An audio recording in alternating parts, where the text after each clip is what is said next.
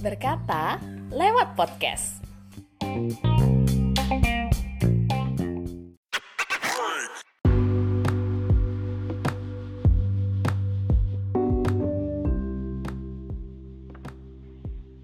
Gimana kabarnya untuk teman-teman yang lagi mengalami yang namanya diem di rumah aja? Menghadapi kebawelan pasangan atau hubungan jarak jauh dan pasangan jadi tambah bawel. Nah, kalau sebenarnya bawel itu bisa dideskripsikan seperti apa, sudah hadir nih salah satu akademisi psikolog yang juga merupakan dosen di Universitas Bali Dwita, program studi psikolog Dwika Puspita Dewi. Hai. Hai Anggi, gimana kabarnya? Baik, Dwika gimana kabarnya? Baik dong, masih di rumah aja, semua serba online sekarang.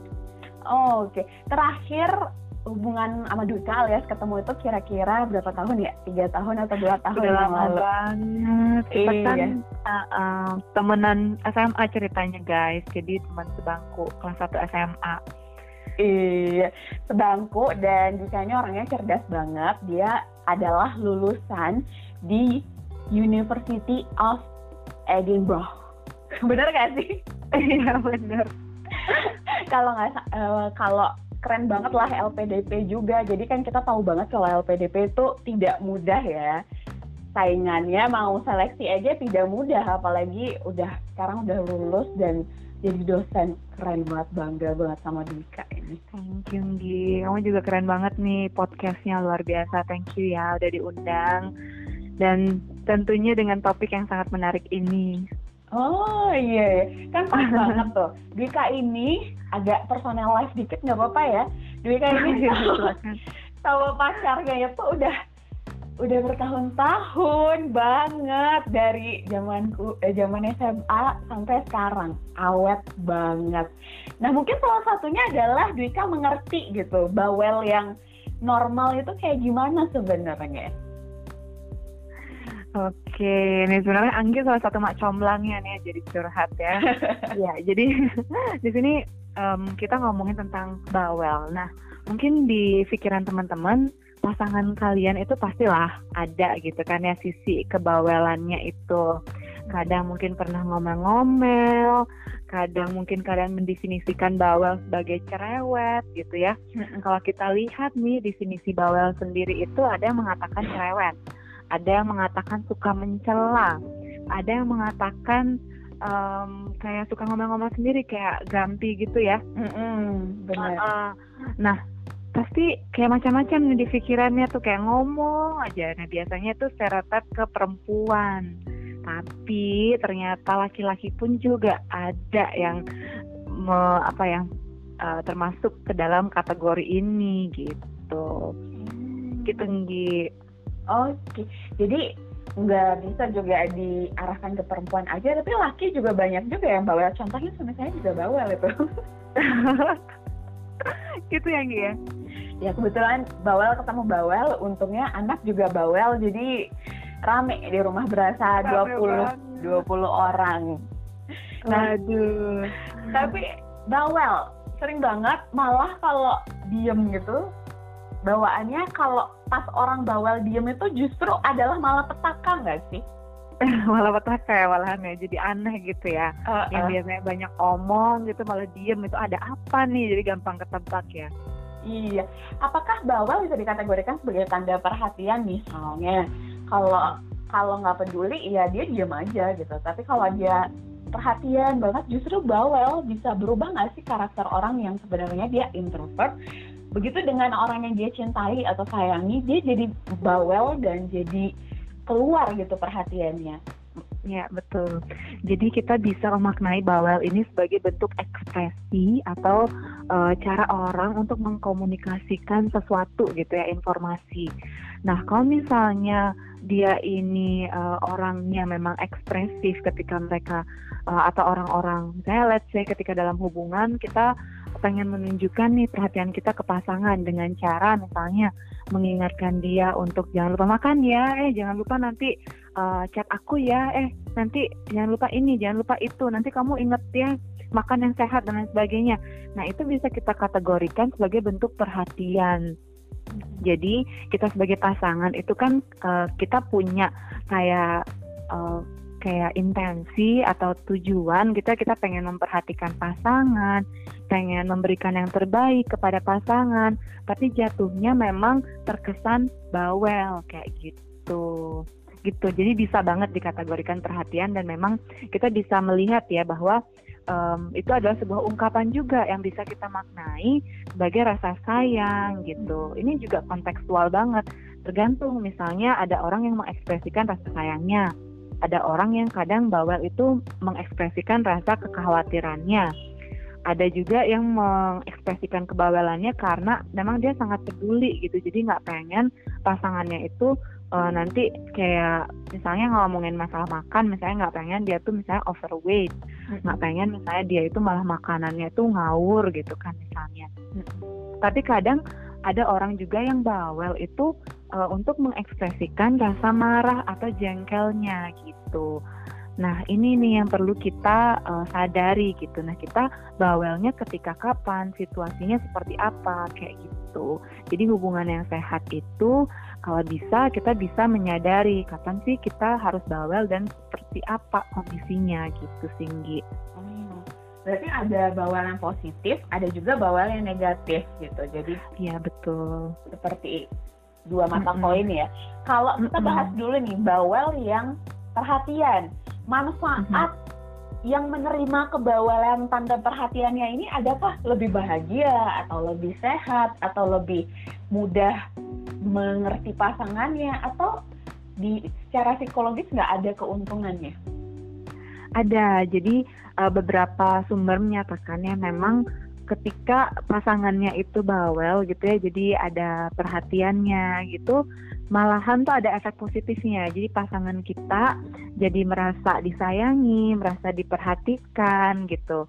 Terus juga ada yang menyatakan juga untuk meningkatkan kesehatan pasangan gitu karena memang benar-benar diperhatikan gitu. Misalnya kayak kamu nanti olahraga ya oh nanti kamu makannya yang yang sehat ya nanti jangan lupa kamu gimana gimana gitu mm-hmm. jadi memang kayak dengan itu uh, ternyata benar-benar pasangan itu jadinya uh, ter teratur gitu terpola gitu perilakunya gitu makanannya gitu kesehatannya secara fisik dan kalau misalnya masalah uh, kesehatan mental gitu karena kan kita merasa diperhatikan gitu ya hmm. kalau kita bisa memaknai kebawalan itu adalah sebuah uh, perhatian dan kasih sayang gitu yang menerima uh, pesan itu juga akan merasa uh, affectionate gitu, merasa dia disayangi, dikasihi seperti itu. Lalu juga uh, ada hal lain, misalnya merasa uh, bahwa oh sekarang nih aku mendapatkan dukungan emosional, oh aku mendapatkan motivasi yang tinggi justru untuk melakukan sesuatu. Misal contohnya nih, kita tahu pasangan kita itu bagus di bidang A gitu. Tapi ternyata pasangan kita itu tidak mampu membuat keputusan untuk memilih bidang A atau tidak um, bisa mencoba gitu. Tapi sebagai pasangan kita mengerti pasangan kita itu suka terhadap bidang A, jadi kita berusaha untuk memberikan dorongan dan support ke dia bahwa meyakinkan oh kamu bisa, ayo kita coba, ayo seperti ini gitu. Jadinya ya meskipun terkesan bawel mengingatkan terus tapi ternyata dengan itu pasangan jadi bisa reaching the goal gitu dengan lebih cepat gitu. Ada faktor emosional dan juga motivasional di situ. Gitu tinggi oh begitu. Nah tapi kan kadang nih ya cewek kan bawel banget kan karena kembali lagi kita kadang jatah ngomongnya itu kan berapa ratus kata gitu sedangkan cowok itu lebih sedikit kan. Nah iya betul. kalau kan cowoknya kadang udah capek tuh nyautin iya iya iya. Uh-uh. itu gimana tuh? Apakah tidak akan menimbulkan pertengkaran karena bawel? Padahal yeah, bawelnya yeah. ini positif sebenarnya. Iya betul sekali Nah, ini yang menjadi pemicu sebenarnya pemicu pertengkaran atau uh, konflik dalam hubungan gitu ya, hubungan romantis. Nah, kita juga sebagai pasangan kita perlu membaca situasi. Kapan sih sebaiknya kita uh, mengingatkan gitu kan misalnya atau kita bisalah mengukur seberapa jauh kebawelan kita gitu. Jangan sampai ketika misalnya pasangan kita itu lagi capek tapi kita tetap aja nyerocos gitu kan ya. Sebenarnya pasangan kita tuh udah paham udah sering dengar gitu tapi situasinya pada waktu itu memang dia tuh nggak nggak fit capek stres di tempat kerja. Jadinya itulah yang mungkin kalau kebawelan itu dimaknai sebagai sesuatu hal yang malahan bukan positif jatuhnya tapi malahan kayak nggak tahu apa ini pasangan capek kayak gitu. Jadi kayak bisa nggak sih lebih menghargai dia gitu?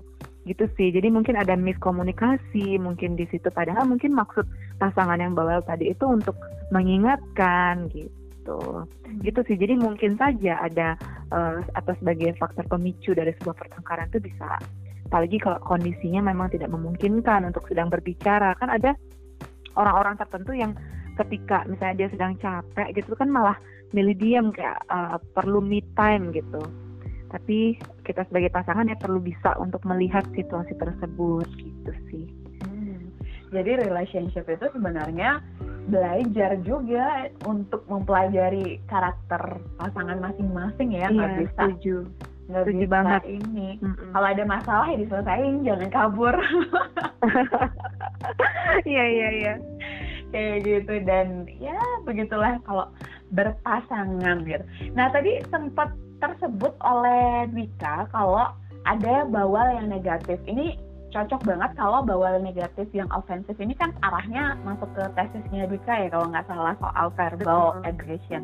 Nah ini tuh ciri-cirinya kayak gimana sih supaya orang yang mungkin mendengarkan podcast saat ini wah ternyata aku tanpa sadar adalah bawel yang negatif nih kalau kita simpelnya bilang itu kayak gimana ciri-cirinya Iya, jadi ciri-cirinya misalnya ada kata-kata yang diungkapkan itu kasar, mm-hmm. terus juga dia itu um, mungkin secara tidak sengaja gitu kan ya, mm-hmm. atau sengaja bahkan dia tahu bahwa itu kasar tapi dilontarkan.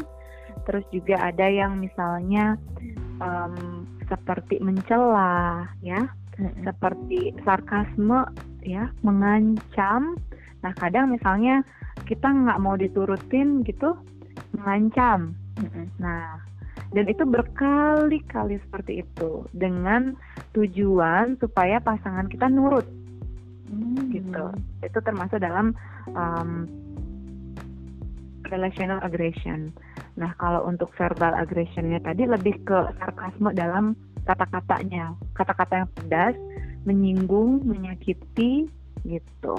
Hmm. Mungkin teman-teman di rumah atau yang sedang mendengarkan podcast ini tanpa disadari pernah gitu kan ya hmm. mengeluarkan kata-kata tersebut. Tapi sebenarnya tujuannya baik.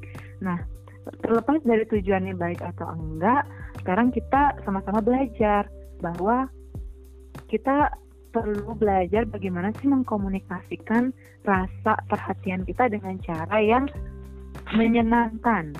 Artinya kalau misalnya ada cara yang lebih halus, lebih sopan, bisa tuh kita belajar untuk mengungkapkannya gitu. Hmm. Tapi kalau misalnya bercanda gimana?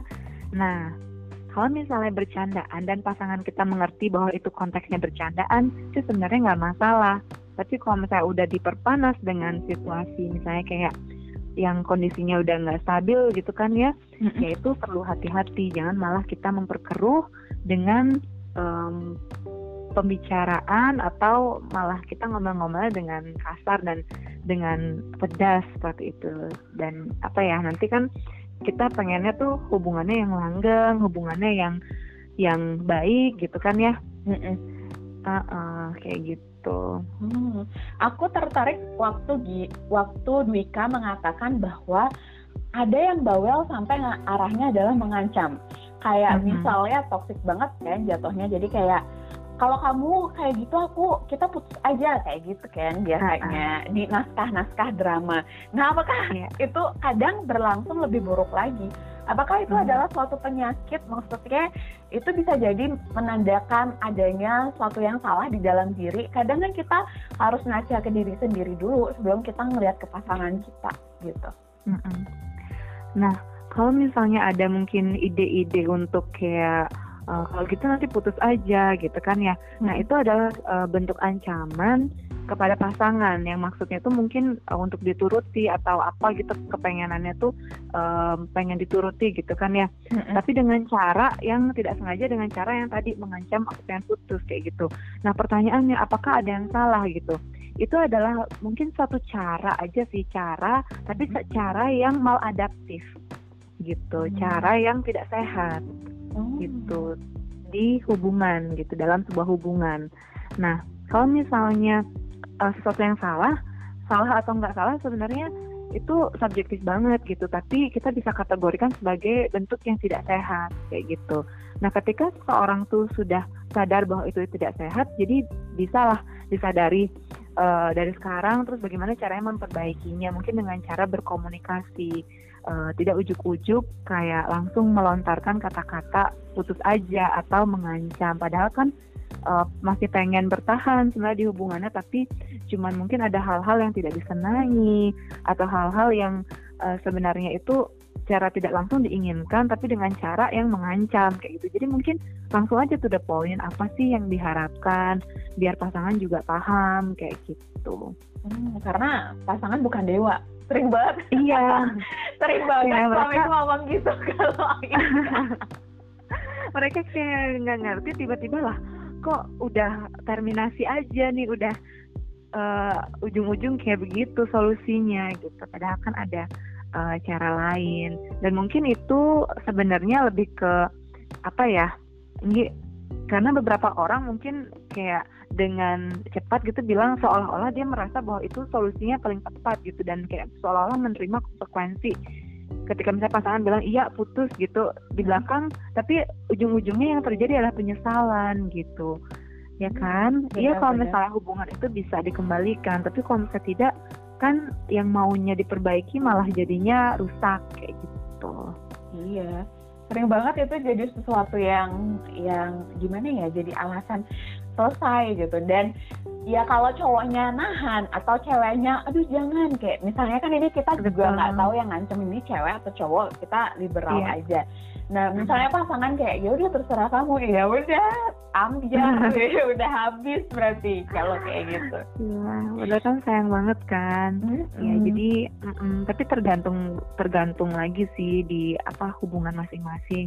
Kalau misalnya memang eh, udah mengakar nih, kayak misalnya udah toksik banget, dan misalnya putus itu adalah sebuah cara yang sama-sama bisa diterima sih nggak masalah gitu. Tapi kalau misalnya itu em, kayak cuman angin lalu untuk menyelesaikan suatu masalah yang padahal itu sebenarnya ada solusi lain gitu Mm-mm. ya sebenarnya juga tidak sehat gitu dalam sebuah hubungan. Oke. Kalau misalnya kita juga harus evaluasi diri berarti ya untuk orang yang bawel itu untuk bisa tidak mengancam. Maksudnya lebih ke evaluasi diri, tahan diri. Kalau ini tuh cuma sesaat, keinginan betul sesaat. betul. Kalau misalnya itu seorang yang bawel, nah yang menghadapi ini, apakah ada kalimat cinta yang bisa menyadarkan si bawel kalau kamu tuh terlalu bawel, tapi dengan cara yang halus, adakah kalimat yang seperti itu? Sehingga saat saat si pasangan mengatakan itu si bawel akan kayak oh iya ya aku bawel kayak gitu. Jadi kayak salah satu contoh kalimat cinta yang bisa dipraktekkan oleh teman-teman yang mendengar podcast ini Oke, ini Uh-uh. sebenarnya lumayan menantang nih ya. Karena ketika iya benar-benar. Karena ketika saya kita bawel gitu kan ya, bawel terus habis itu kita pengennya ngoceh terus. Tapi tahu nggak sih sebenarnya yang bisa membuat orang bawel ini kayak tek sadar bahwa dia tuh udah kelebihan ngomong gitu tuh apa? Pasangannya itu berusaha mendengarkan dengan seksama, lalu pasangannya itu mencermati apa yang dia bilang, kayak gitu, mencermati apa yang dia bilang, terus kayak seolah-olah tuh merasa didengarkan gitu loh, Gi, tau nggak? Bukan oh cuman kayak, bukan cuman kayak, kayak misalnya entah itu diabaikan atau cuman kayak apa ya kayak dianggap lalu gitu. tapi benar-benar benar-benar difokuskan uh, perhatiannya ke yang cewek ini misalnya gimana dia mau bawel. Dengerin aja dulu. Dengerin bawel itu diperhatikan dengan seksama. Oh tadi kamu bilang gini ya. Nah terus sekarang gimana? Kamu pengennya seperti apa? Nah ajak dia tuh berkomunikasi gitu. Seolah-olah memang yang cowok ini atau yang cewek ini tuh ada waktunya tuh untuk si pasangan gitu. Hmm, paham ya maksudnya di sini ya? Paham paham paham. Gitu. Jadi bukan dengan yang kayak begini. Aduh lu tuh ngomong mulu deh. Nah kayak gitu jangan. Atau iya iya aku aku sadar atau misalnya apa. Itu tuh malah bikin kayak iya sadar sadar tapi dari dari tadi nggak dilakuin atau terus aja aku kayak ngomong gitu gitu. Iya mana buktinya? Kayak gitu kan jadi lanjut kan terus tanya gitu. Jadi lebih ke lebih ke berkomunikasi tapi berkomunikasi yang mendengarkan secara uh, kayak apa yang mendengarkan dengan sadar kayak gitulah. Kayak memahami kebutuhan dia tuh sebenarnya apa sih gitu jadi itu kuncinya bawel. Sebenarnya bawel itu nyari perhatian gak sih kadang? iya kan? Dar daripada kalah sama handphone, mending aku bawelin aja gitu, biar lihat aku gitu. Bener gak sih? bisa, bisa, bisa. Oke, okay. jadi ketimbang kalian bermain handphone atau si pasangan yang lagi mendengarkan ini, wah pas banget nih bahas tentang bawel nih, pasanganku bawel nih berarti harus mulai taruh handphone dengerin apa yang dia omongin. Tapi kalau dipikir-pikir emang iya sih. Waktu misal suami lagi sibuk uh, ngurusin kerjaan aku bawel terus aku kayak merasa nggak dihargai ya pastilah pastilah. Uh -huh. terus habis itu begitu dia dengerin gitu oh terus gimana? Terus jadi kita bingung mau ngomong apa lagi kayak iya serius jadi diem kan jadi diem kan jadi dia jadi mikir kan mau ngomong apa lagi ya? Terus apa lagi dia? Gitu e, apa ya? Apa jadi a e a gitu. Terus jadi masuk kamar deh. Itu iya kan? Jadi sadar kan? Kuncinya itu adalah mendengarkan dengan hati berarti menghadapi si bawel. Nah kalau yang yang udah toxic tadi yang apa namanya yang mulai kayak arahnya verbal aggression mm-hmm. si yang bawel ini bisa evaluasi diri kayak gimana sih Dika jadi kayak yeah. supaya dia menyadarkan dirinya dia kayak aku udah nggak boleh nih atau si pasangan bisa menggunakan love message ke si si bawel yang negatif ini supaya menjadi lebih baik itu kayak gimana? Iya. Mm-hmm. Yeah. Jadi kunci uh, yang sudah kita sama-sama ketahui ya dalam hubungan itu kan komunikasi. Nah, sekarang gimana sih cara kita bisa lebih asertif gitu? Kalau misalnya kan kita punya juga batas kesabaran kan, dan siapa sih yang pengen diperlakukan dengan kata-kata kasar, baik itu sengaja atau tidak sengaja ya? Jadi kita bisa kok sebagai pasangan untuk mengingatkan, um, sepertinya apa yang kamu katakan ini udah kejauhan deh gitu coba dong uh, diperhatikan lagi kata-katanya gitu. Jadi dengan itu jadinya pasangan jadi oh merefleksikan kembali. Oh emang iya ya. Kasih dia waktu jeda untuk berpikir kembali gitu, mengevaluasi lagi kata-kata yang sudah diucapkan. Tapi kalau misalnya udah terlanjur sakit hati pasangannya ini kan juga kasihan kan. Nah, hmm. apa yang udah diucapkan kan tidak bisa ditarik kembali kan, Gi ya. Benar. Gitu. Jadi uh, sebelum itu terjadi jadi uh, dikomunikasikan aku nggak nyaman loh dengan kamu berkata-kata seperti apa misalnya coba kalau misalnya kamu ada di posisi aku kira-kira kamu nyaman? Enggak gitu. Jadi kita ajak dia berdialog ajak dia berdiskusi tapi usahakan cari waktu yang udah sama-sama tenang gitu. Kalau misalnya pasangan tuh misalnya masih marah-marah kayak gitu biarin aja dulu gitu. Kasih waktu gitu. Karena kan nggak bisa semua itu instan diselesaikan gitu. Hmm. gitu sih. lalu jelaskan gitu. Kenapa misalnya dia atau pasangan itu berpikir demikian gitu dan saya tanya apa yang membuat kamu uh, bicara demikian? Kayak gitu. Kira-kira ada bagianku yang kamu nggak suka bagian yang mana? Kayak gitu. Jadi bisa banget untuk berbicara secara terbuka dari hati ke hati gitu. Dan sama-sama belajar sih intinya seperti yang tadi Anggi bilang gitu. Gitu hmm. tinggi mm -mm. berarti kalau menghadapi marahnya si bawel ini nggak bisa nggak bisa langsung diselesaikan hari itu ya. Maksudnya harus nunggu suasana tenang dulu sampai dia iya. kelar pasang sumbat telinga gitu. Jadi kayak kayak udah nggak usah dengerin apa yang dia omongin. Begitu dia tenang baru masuk di situ. Nggak bisa langsung kita masuk saat dia lagi marah-marah itu malah jadinya pecah gitu ya. Iya makin tes tes tes gitu. Pernah gak sih kamu ngerasa waktu kamu lagi benar-benar kayak ada di puncak gitu terus kayak kamu um, apa ya uh, berusaha ditenangkan tapi karena dari diri kamu sendiri itu masih ada uh, kayak marah gitu ada atau emosi tertentu yang sangat membludak itu jadi kamu kayak nggak bisa gitu loh untuk menerima masukan dari orang lain gitu hmm, ya kan? Iya benar-benar. Hmm. pernah sih. Endingnya lari ke penyetan ke makan gitu ya. Badan itu ada salah satu upaya kamu untuk calming kan sebenarnya. Kayak mencari hal yang kamu senangi itu di mana kamu bisa jadi calm gitu kan. Mm-hmm. nah baru bisa diajak ngomong gitu. Apalagi itu kamu makan gitu. Makan ada source of uh, happiness gitu. One of um, apa sumber kebahagiaan juga sumber energi gitu kan. Tepat banget sih sebenarnya. Iya iya benar-benar.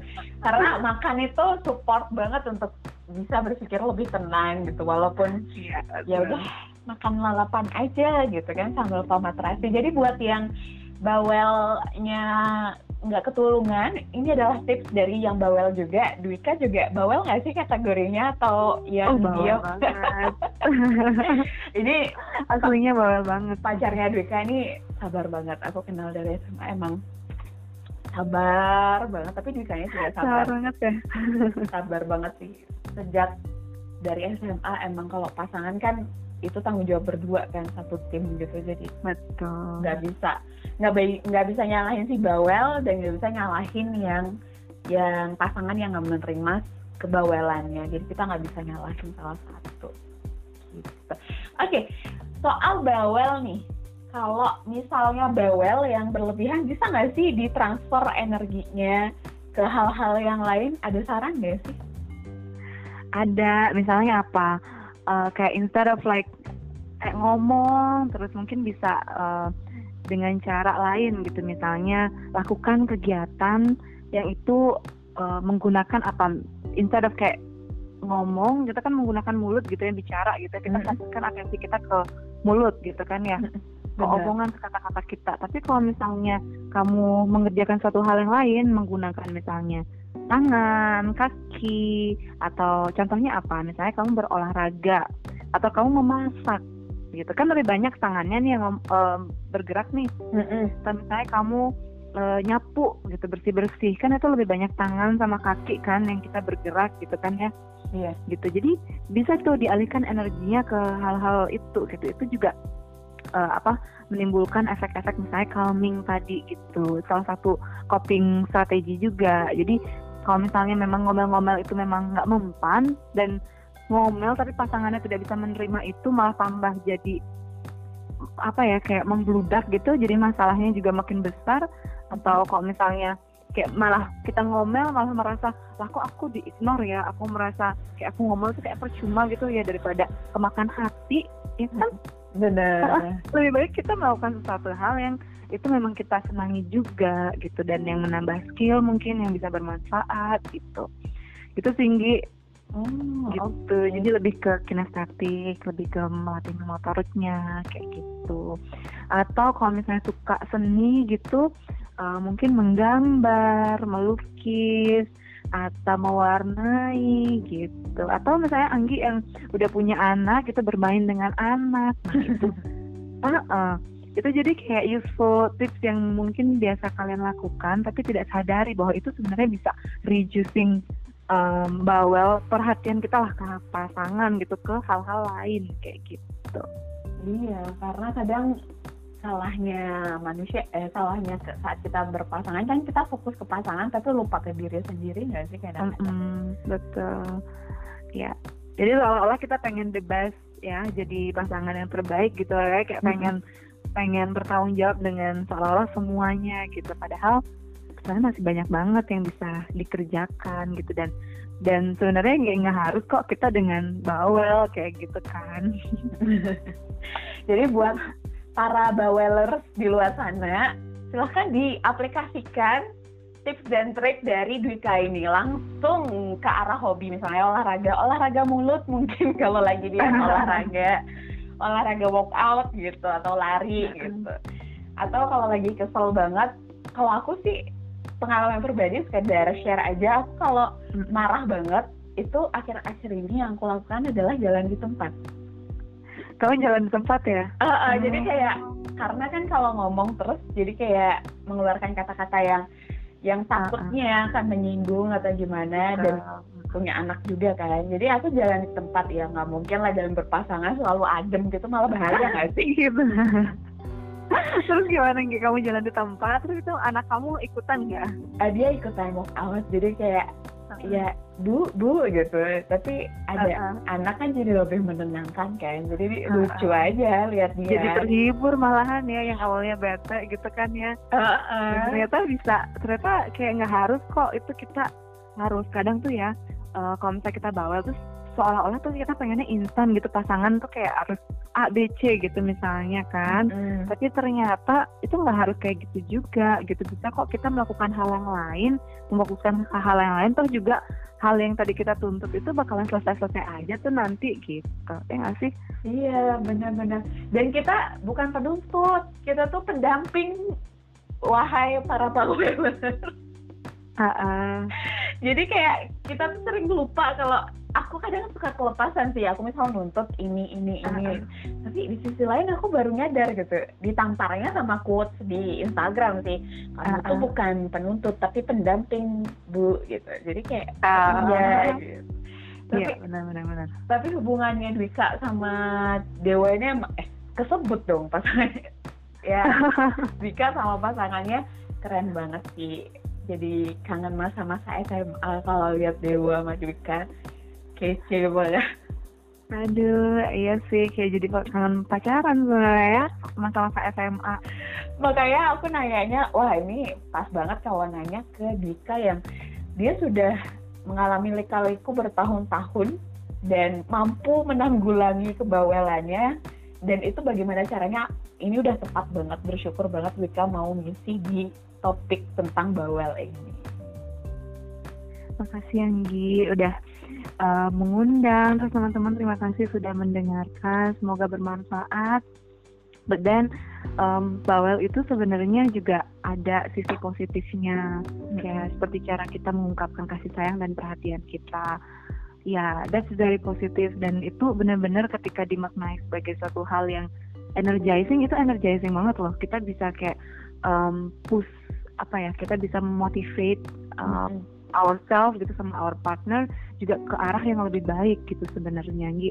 Hmm. Itu sih satu hal yang sangat-sangat yang aku rasakan gitu. Kalau misalnya nggak bawel gitu, ya kapan dong bisa majunya? Kapan dong bisa misalnya uh, kita ke arah yang lebih baik gitu. Tapi sebenarnya pun kita ada loh cara-cara yang mungkin uh, nggak harus kita ungkapkan dengan bawel yang agresif atau ofensif tadi kayak gitu. Setuju. Gitu sih. Setuju banget setuju banget soal cara kita ngomong masalah cara aja sih ini ini. gitu. Nah kalau misalnya bawel dengan ungkapan sayang itu juga bisa dikategorikan manja dan ini pasangan senang banget Gi, ya nggak sih? Iya kalau kalau suaminya lagi eh kalau pasangannya lagi lagi maksudnya lagi on ya senang tapi kalau lagi habis kayak skip dulu deh gitu kan biasa kadang-kadang Oke. di lapangan sih begitu tapi kalau ibu yang LDR kalau Dwika yang LDR kan beda lagi kan kasusnya kalau yang di lapangan pernikahan ini udah angkat galon Banyak ya sendiri ternyata. gitu. Iya. Iya sih benar. Jadi banyak em, kayak kita bilang tuh variabel yang tidak terduga gitu ya kalau udah udah menjalani yang Gi ya. benar benar. Bener banget Duka. Ini ngobrol sama Duka asik banget sih karena emang tenang sendiri kan? Untungnya ini direkam jadi jadi ke filter kalau nggak bla bla bla bla. Banyak banget yang bakalan dikeluarin. Oke deh Dwika terima kasih banget untuk para bawelers di luar sana. Kalian adalah seorang yang gampang dicintai karena justru kebawelan kalian dikangenin gitu sama pasangan Betul. tapi kalau berlebihan itu bahaya. Apa pun yang berlebihan itu overdosis nggak sih namanya? Jadi nggak bagus juga gitu. Terima kasih ya untuk Dwika untuk waktunya. Kalau iya salam buat pasangan dan keluarga semoga semua selalu sehat Dwika juga. Thank you Anggi juga ya. Salam buat anak, suami, semuanya. Thank you sudah mendengarkan. Iya, suaranya bagus banget. Makasih, bye. Bye-bye, thank you.